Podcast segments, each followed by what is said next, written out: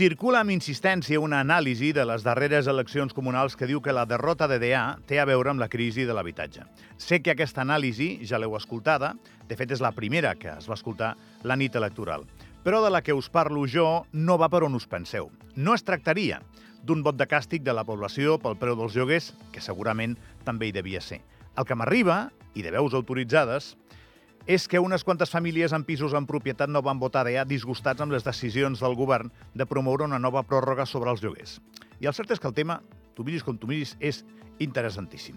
Per una banda, la majoria que ens governa té a sobre el pes de les multitudinàries manifestacions populars amb les proclames que tots coneixeu, de Marsol dimissió, Espot a la seu, i per l'altra, Espot, Marsol i companyia reben les pressions, i les reben, eh, d'un lobby que tradicionalment forma part del seu electorat més fidel, i això és un foc creuat de manual.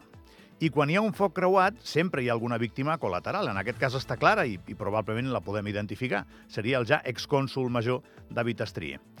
Sigui com sigui, ens trobem davant d'un tema que descriu un país en què ja comença a resultar complicat fins i tot situar-se al centre, que és el que li agrada a ADA, és el seu terreny de joc. I és difícil perquè des dels dos costats eh, estiren ADA, i es pot que se sàpiga no és el dels quatre fantàsticos Red Richards, aquell que era elàstic o, o pràcticament eh, infinitament elàstic. Demòcrates per Andorra té 3 anys per endavant per formar part de les solucions i no dels problemes. És temps suficient per arribar a les següents eleccions presentant un full de serveis que acrediti que la situació ha millorat. A la velocitat que van les coses en política darrerament és temps perquè veiem dos o tres canvis respecte a la sensació de lideratge polític del país que ara els experts veuen discutida entre DA i Concòrdia.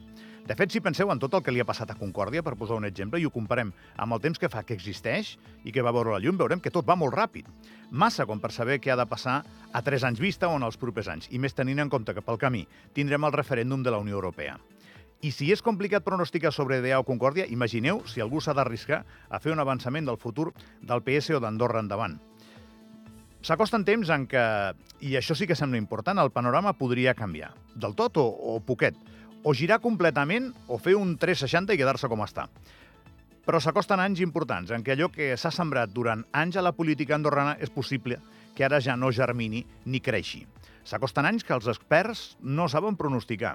Per tant, s'acosten anys sense experts. I això a alguns els fa molta por. A mi em sembla divertidíssim.